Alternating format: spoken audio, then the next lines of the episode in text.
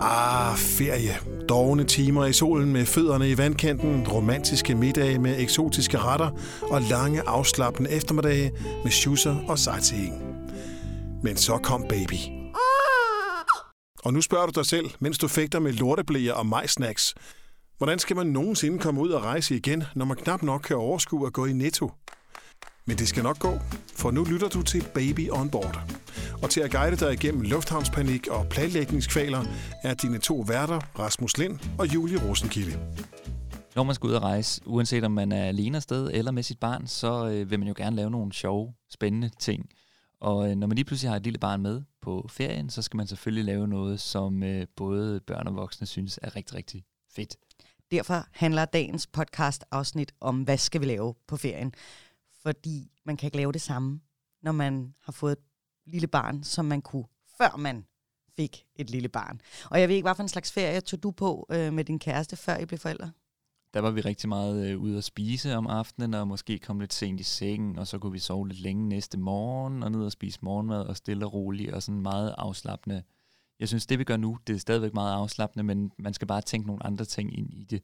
Og jeg, jeg har det sådan lidt, hvis jeg er på ferie, øh, nu hvor jeg er på ferie med min familie og barn, hvis vi ikke har et eller andet planlagt, et eller andet, vi tænker en aktivitet, vi skal lave den næste dag, så bliver jeg sådan lidt presset over, at vi bare skal sidde på det der hotel, fordi vi er jo for pokker ude at rejse.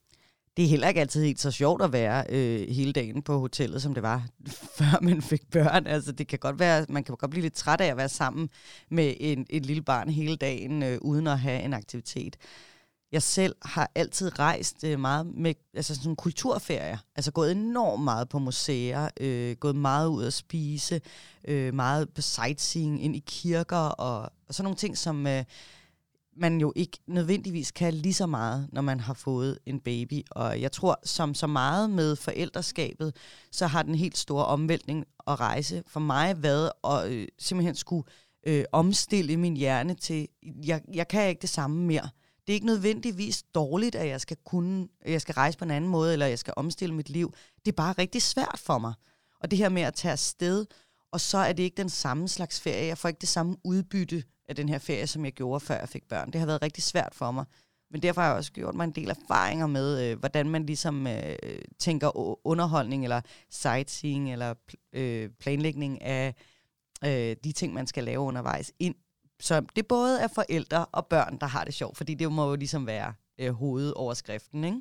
Og en af de ting, vi også vil snakke om, det er det her med, at man kan jo stadigvæk godt lave nogle af de samme ting, man gjorde før. Man skal bare, som du siger, sætte forventningerne ned til, hvad det så er. Hvad har virket for jer?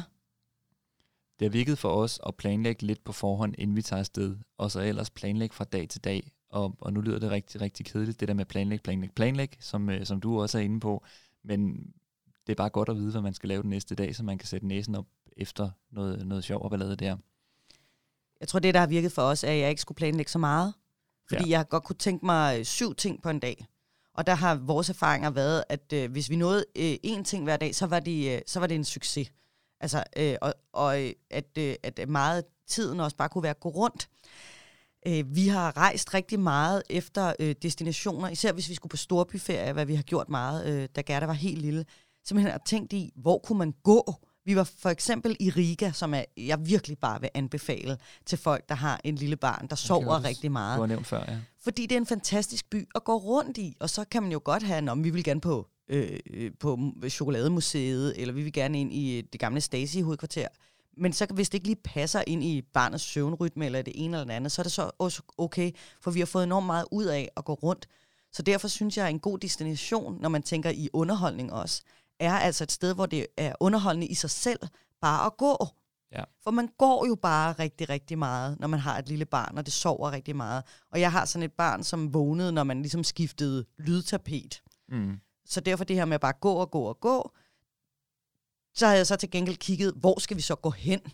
Øh, så går vi ned i det her kvarter, som, som er ga- gamle bygninger, eller vi går i det her kvarter, som er Art Deco, eller vi går over og ser den her ø, eller vi tager en færge hertil, eller et eller andet, hvor vi bare kunne være udenfor, for de her med de indendørs aktiviteter kan blive rigtig svært.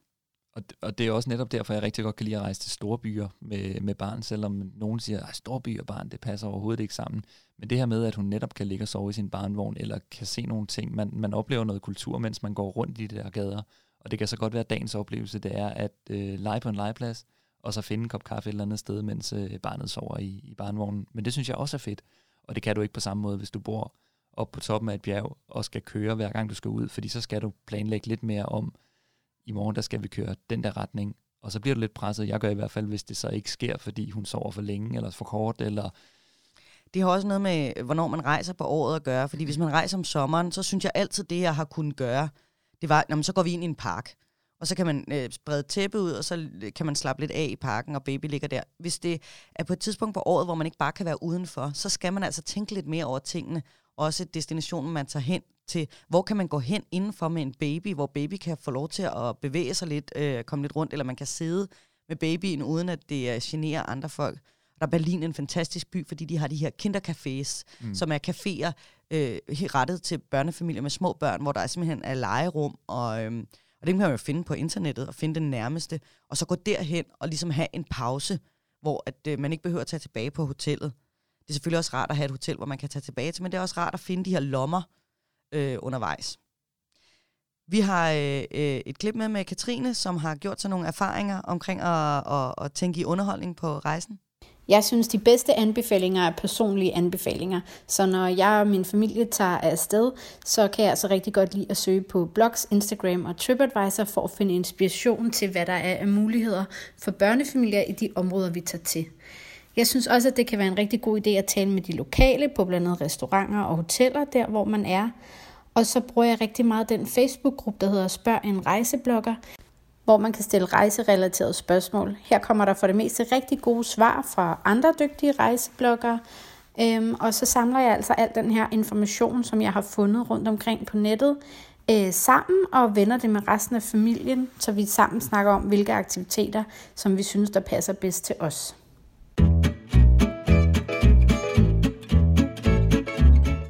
Ja, og det handler rigtig meget om at researche hjemmefra og finde ud af, hvad der er af sjove ting, som man kan se i lige præcis den by, og så kigge lidt på nogle afstande, at det ikke ligger for langt væk fra, hvor man bor. Og, og der er jo det her med legepladser. Jeg ved jo godt, at babyer, helt små babyer, er måske ikke til legepladser, men hvis vejret ikke er dårligt, hvis det er okay vejr, så sådan en sandkasse på en legeplads.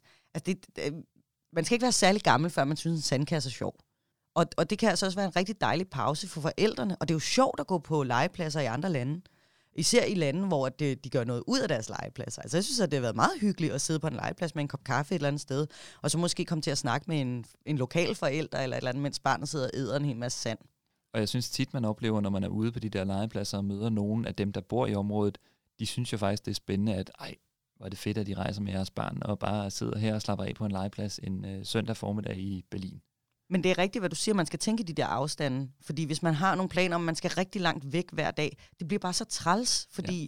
at man skal, når man rejser med et barn, er det bare altid lidt mere besværligt at skulle med et tog et eller andet sted hen, eller en bus, eller man, man skal gå rigtig langt, og så lige pludselig har barnet skidt sig selv hele vejen op ad ryggen, og man skal finde et sted, man skal skifte og sådan noget. Så det, det er meget godt at, at enten at tænke, hvad kan vi gøre inden for en ordentlig øh, afstand af hotellet, eller øh, placere hotellet, eller Airbnb, eller hvor man nu bor, mm. øh, i nærheden af det, man gerne vil se. Og så har jeg også rigtig meget gjort øh, en erfaring med, at når jeg finder et eller andet, vi skal se, eller vi finder et eller andet, vi skal se dagen efter i Berlin, der var det, nu snakker jeg rigtig meget om Berlin, men det er bare en fantastisk by at rejse i med børn, men vi skulle på et børnemuseum, øh, ikke hvor man kan se børn, men hvor det er sådan et leves lege, lejeland i sådan en økoudgave, hvor alting er bygget af træ, og hvor der er nogle ting, man kan pille ved, og slå søm i, eller tegne, eller hvad, hvad barnet nu lige kan og gider, så sidder jeg også og kigger på, okay, det her hotel, det ligger der. Der kommer vi hen sådan her. Okay, det er rimelig nemt.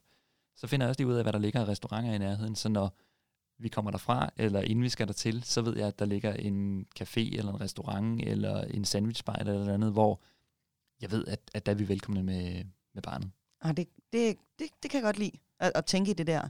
Jeg synes også, det er vigtigt at tænke i, øhm, at, at man selvfølgelig skal lave noget, man selv synes er sjovt. Altså man kan jo sagtens tage på en ferie, hvor baby bare synes, det er fantastisk, og man sidder ved en babypool hele dagen. Men det kan man godt blive lidt tom i hjernen af selv.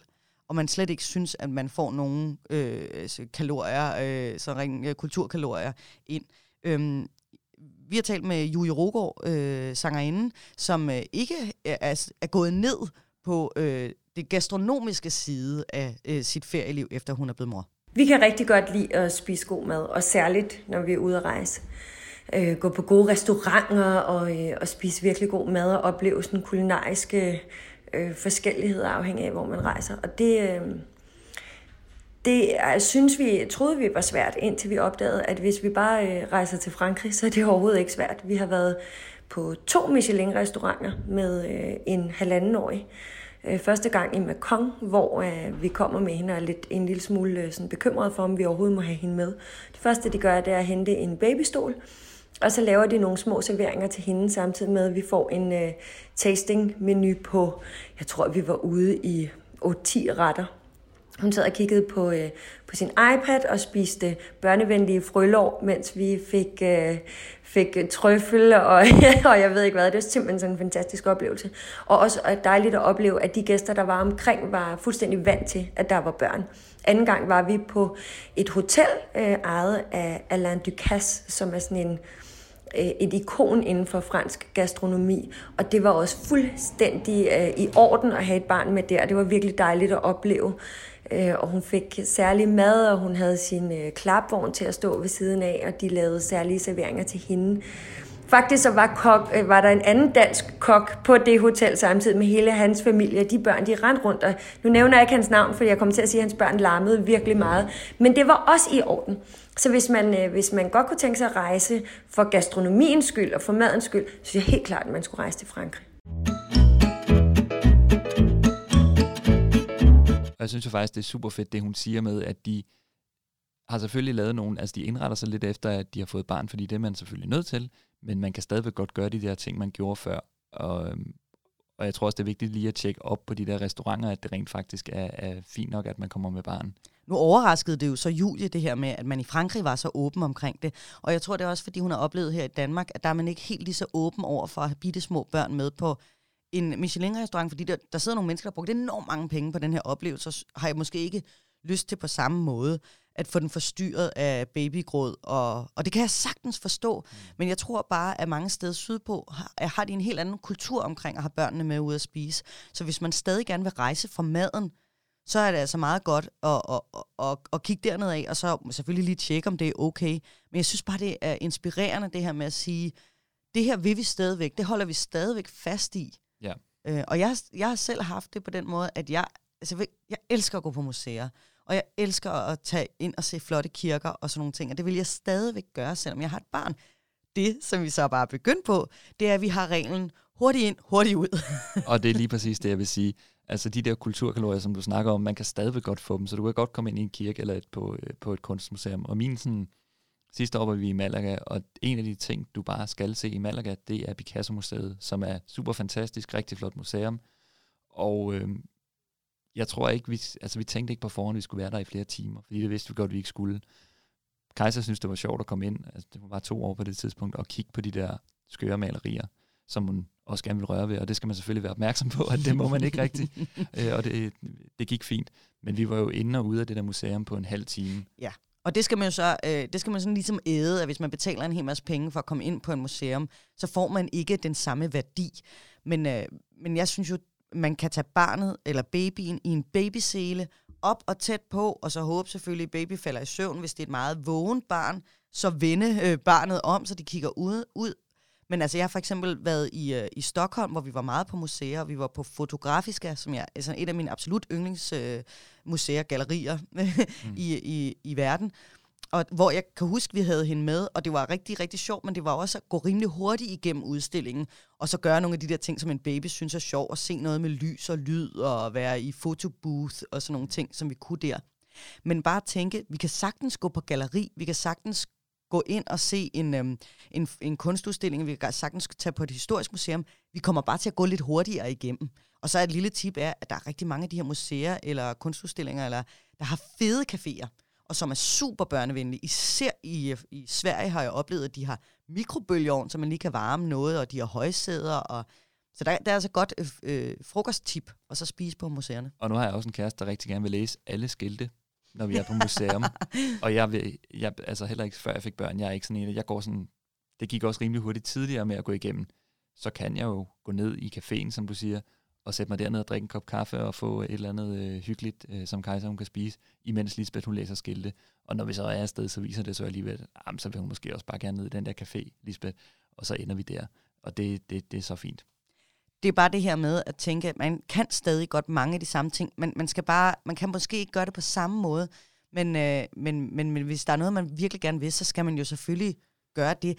Jeg har bare lige en enkel anke med det, og det er, at man skal selvfølgelig ikke, når man har et lille barn, gå ind og se nogle meget voldsomme udstillinger. I dag er det jo blevet meget populært med sådan nogle interaktive udstillinger, mm. hvor der er masser af lys og lyd.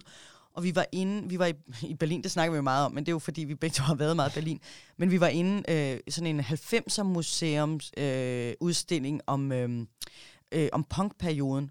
Og der, der var bare, der var larm og lys, og... meget larm og lys. Og øh, hun, øh, Gerda havde selvfølgelig øh, høreværn på. Øh, men, men hun blev helt bimmelim, og jeg kan huske, vi var der bare, jeg tror, vi var der 20 minutter, så blev jeg simpelthen nødt til at gå med hende, for det var for voldsomt, altså de her indtryk derinde.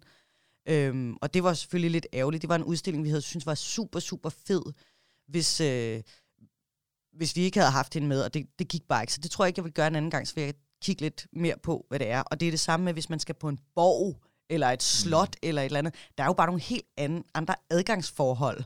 Altid godt at have en bæresele med, ja. men man skal bare tænke i, det er ikke sikkert, det er så sindssygt børnevenligt. Øh, at det skal man i hvert fald lige tænke over, om, om det er noget, man, man kan leve med, man går hurtigt igennem, eller man skal vente til en gang, hvor man har større børn med.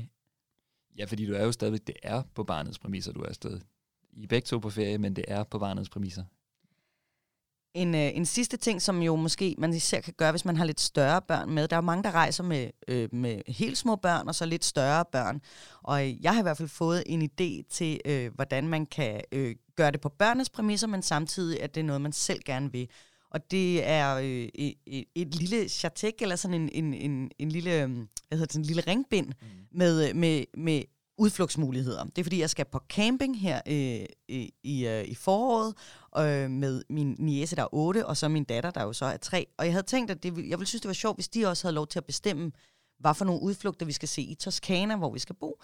Og så har jeg tænkt, at hver side kunne ligesom være en udflugt, og så med et billede og nogle symboler, som øh, alle aldre kan forstå. Her kan man spise is, her kan man tage flotte billeder, her kan man bade, øh, her er der kirker, her er der whatever. Så kan de sidde og tale lidt om, hvad de vil.